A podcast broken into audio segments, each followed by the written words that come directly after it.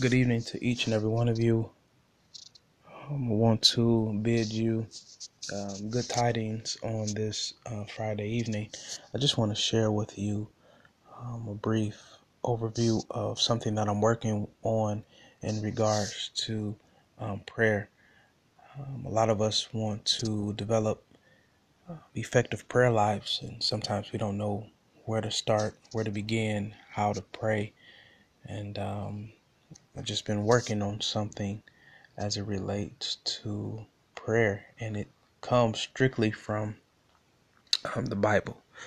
So uh, if you if you are a Bible person, I pray that you can follow follow along with me um, by you know flipping the pages of your Bible, or if you don't have time, you know go back in your Bible and mark some of these scriptures down, for they will help you in regards to developing an effective prayer life.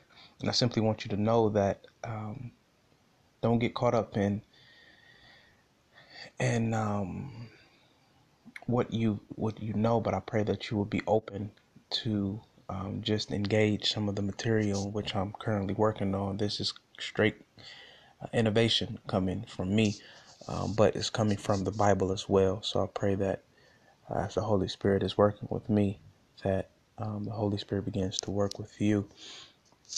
Um, first and foremost, I just want to say that prayer changes you, not God. So so often we we think that when we pray, we're sending uh, prayers to God or we're communicating with God uh, to change God's mind. But that's not how God works. God doesn't have to change his mind. God doesn't have to change his ways. God is setting his ways. He God knows what he's doing. But what prayer really does, it causes us to fall in alignment with the will of God so that we may be in alignment with what God wants for our lives versus what we want God to do in our lives. Now, I'm not saying that when you pray, God can't bless you. I'm not saying that or give you the things in which you talk to Him about because God can't do that. But what I'm saying is, God helps us to not focus on ourselves, but God helps us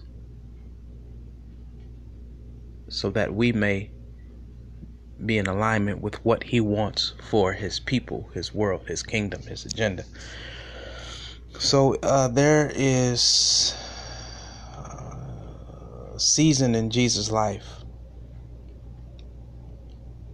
that can be found in Luke chapter 11 where Jesus is spending intimate time in prayer.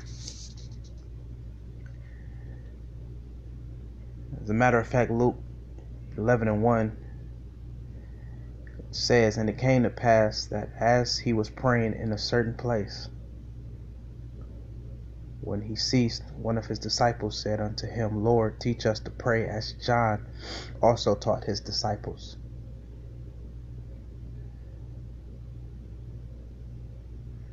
There was a particular season that, and even when you trace Jesus and his ministry, you will see that as he went about doing ministry, feeding those who were hungry, healing those who were sick, um, teaching parables, praying in the synagogue, reading scriptures in the synagogue.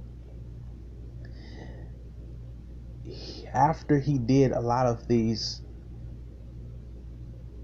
extraordinary endeavors, after he he he he did all of these God only things. He found himself in intimacy praying to God. He, he found himself pushing people away, sending his disciples away, sending the crowds away. And he spent time with God. And, I don't know who this may be for, but I simply just want to encourage you or suggest by any means of wise counsel that wherever you are in your life, spend intimate time with God. See, the, the, thing is, you know, as we go about life and we we're receiving promotions, we are doing all of these great things. Um, sometimes we we get so caught up in what we get so caught up in our everyday lives that we forget to carve out time for God. We forget to pray. We forget to to spend intimacy with God. But that's the thing that that Jesus shows us that in his ministry that in spite of how many great things that you do, um, whether life is good or bad, a lot of what Jesus is doing in his ministry is showing his disciples, showing his people that you must spend time in prayer. I think it's a beautiful thing that uh, Jesus, who is God and has all of this power and, and has done all of these miraculous and and and and and and, and, and mouth dropping things, that he shows his disciples that it's okay to to, to spend time with God. It's it's okay it's okay to get on your knees and pray. It's okay to go to a mountain and pray and just say thank you God for the many things in which you're doing. Even in this uh, text, the Bible says that when Jesus stopped praying, his disciples walked up to him and said, Yo, Lord, listen, um, teach us to pray.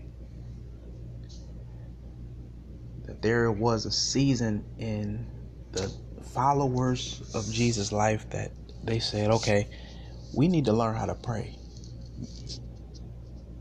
Maybe they heard something that Jesus said. Maybe they saw the miracles in which Jesus was performing and they said, we need the kind of prayer life that Jesus has because if I could do some some of what Jesus had done, my life would be better. If I if I could heal like he could, my life would be better. And I don't know, you know, you you know, we get caught up in so much stuff and my, my prayer is that we begin to fashion ourselves and mold ourselves to be more like Christ and to learn how to pray because prayer is essential uh, to the life of a believer that I don't think that you can make it as a believer without the practice of prayer being in your life. So when it comes down to this prayer thing, we have to be intentional about making sure that we spend time communicating with God and praying with God. And even as the disciples said, getting to a point where you want to learn how to pray just as powerful and just as great as Jesus pray prayed. And um the, the, the, the interesting thing that I find about this is that the disciples themselves they are Jews, which means they were accustomed to praying. They it wasn't like prayer was foreign to them. They knew what prayer was. They they've been praying all of their lives, but it was something that Jesus said. It was something that Jesus had done that in the moment of when he stopped praying, they said, "Lord, teach us how to pray. Teach us how to pray." And what prayer is? Prayer is simply communications with God. So the Greek word for prayer is a word called proseuchomai P R O S E U C H O M A I. And it literally means to interact with God by switching our wishes, our ideas, in exchange with God wishes as He imparts faith into us. Watch this, watch this, watch this. It says that we are switching our wishful our wishes, our ideas. So going to God in prayer first starts with us and our wishes, our ideas. And somewhere in the process of us giving God our ideas, what we want, what we desire, God transforms and he and he substitutes, he switches our ideas for his ideas. So that we begin, we, we go to God saying, Well, Lord, you know I am in need of this. So God, I need a I need a car. Somewhere down the line, God says, Okay, you may need a car, but right now Do you really, really, really need the car? I'm to give you my desires first. And once you get my desires right, then I will give you the very thing that you need in your life. And I said this earlier that prayer does not change God, it changes us. There's this, um, I remember I was, I was probably about 2006. I remember my grandmother who was suffering with uh, stage four cancer. I remember when I found out that she had cancer. This was the first time that I had heard about cancer in my in my life and I had dealt with it. I've heard about cancer, but this was the first time cancer was so close to home to hit my loved one. So I, I've always heard stories about it. This time it hit close to home, and I remember that when I got the news, it hit me, and uh, it, it, really hurt me to the point where I remember I called um, spiritual father and I left a message on his phone. I said, "I need you to pray." He didn't get back with me until uh, uh, that Sunday. I remember I, I, think I called him on like a Thursday. He didn't get back with me until Sunday. We prayed at the altar of the church, and my prayer was for my grandmother and this ailment of cancer that she was dealing with.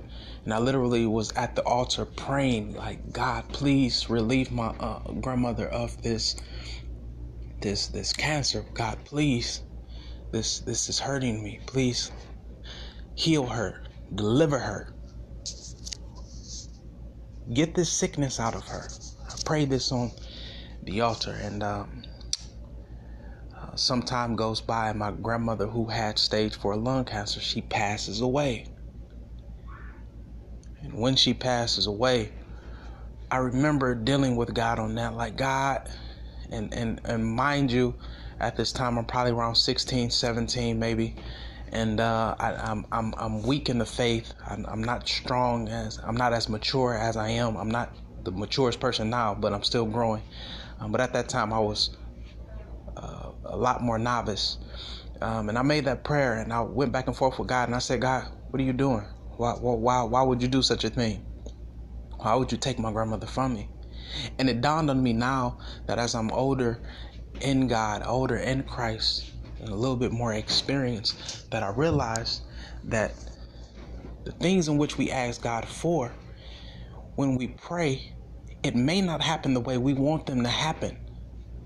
We may we may ask God for one thing, but God's way of responding and answering the very prayer in which we pray may shift and change. And his response may be different his answer to your prayer may not be the prayer or may not be the answer you're looking for, but it may just be God's answer. So when he took took my grandmother away, his way of answering me was, "Son, I don't want your grandmother to suffer anymore. So she has to die in order to not suffer because if she lives, she's still going to live with this uh, cancer that has f- uh, far far uh, has has has has has lived so much in her body that it's so advanced in what it is that she can't get rid of it without taking organs and all of this other stuff that comes with having an, a progressive stage of cancer. So, in order to relieve her of her suffering, then she has to die.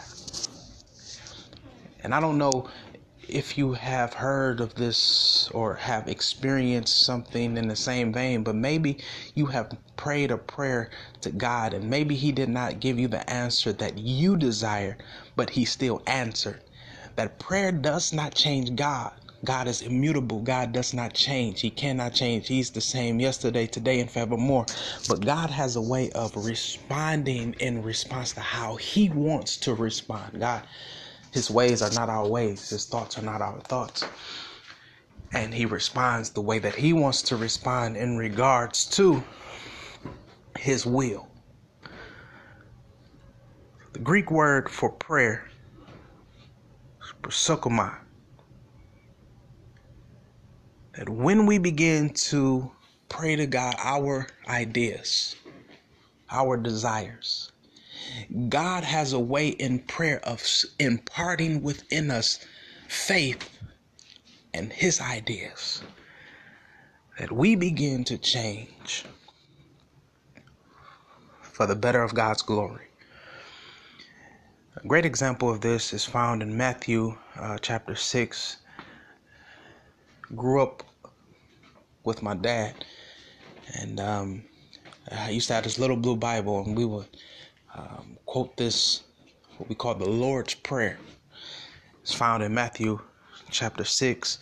Um, before you begin to read the prayer, Jesus literally gives this um, spiel about um, how people would be hypocritical and they would pray these hypocritical prayers in the synagogue and they would pray these fake pretending prayers. And Jesus simply says in verse 5 that he, he doesn't want that hypocritical prayer. As a matter of fact, the first point, if I could give any point to this, would be that God desires your real, authentic prayers. That in, if you are going, if you are to um, build, develop an effective prayer life, that God, I wants your real, authentic prayers. He doesn't want that phony stuff, because what Jesus saw, and He's sharing with His people that He literally saw people who will wait to get into these synagogues that ain't prayed all week but when it was time to pray, they would stand up and they would begin to pray this this eloquent prayer, this this scripted prayer, this this this fake prayer. But they ain't spent time with God all week. But when it came down to, to, to the prayer time, now you want to get up and you want to show off. God doesn't want these $25 words in your prayer. They're fine if that's who you are. But if that's not who you are, God doesn't want that. God wants the real, authentic prayer life. So Jesus says he doesn't want this. God don't want that fake scripted showman stuff. He wants the prayer of the real and authentic.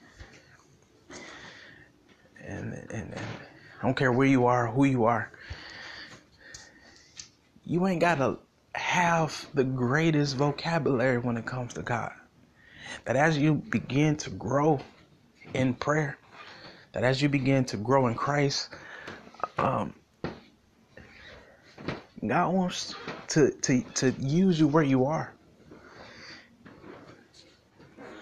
I don't know, like sometimes we get so caught up in tradition and what other people want that we you know we we, we try to show off when when, a, when we get a mic in our hand we try to show no Listen, if your prayer is, Lord, I thank you, amen, that's how your prayer should start off. If you just want to say, Lord, I just want to thank you for life, health. I want to just thank you for my son. Thank you for my daughter. Thank you for my mother. Thank you for my father. Thank you for this food. Amen. That's that's it. Over time, you progress because that, that's the thing of the life of a believer. A believer is to grow onward and upward meaning that the life of a believer should not look the same on day 144 that it looked on day one. So over time, yes, you're supposed to pray. Now, if you're still saying, Lord, I thank you, and you've been following God for 20 years, now we got some problems. But as you start off with God, you're supposed to say, okay, Lord, um, just start where you are and just begin to pray to God and allow God to use you there. And not only does God desire your real authentic prayer, but we see in verse 6 where God wants your intimacy. Jesus says, when you pray, enter into your closet and shut the door. That closet in which Jesus is referring to is a inner chamber. Inner chamber. An inner chamber is a special room used for storage and privacy. But Jesus says that when you pray, enter into your inner chamber and shut the door. Prayer requires for us to shut outside forces off so that we can spend intimate time with God. When you begin to pray, I don't know, um, you open the door your your house. It's so many doors in there, so many rooms. You got the bathroom, you got the you got the you got the master room, you got the kitchen, you got closets, you got one of those. You every believer should have a a a a a a place where they can go, where they can spend intimate time with God. That you can you can you can cut off the forces of life the things that distract you. What he's really saying is that I just want you to get into a place where you are cutting off all distractions so that nothing can get in the way with spending time with you. Because as you're communicating with me i'm trying to communicate back to you. And you can't get this thing until you cut off the things that would distract you. Turn your phone off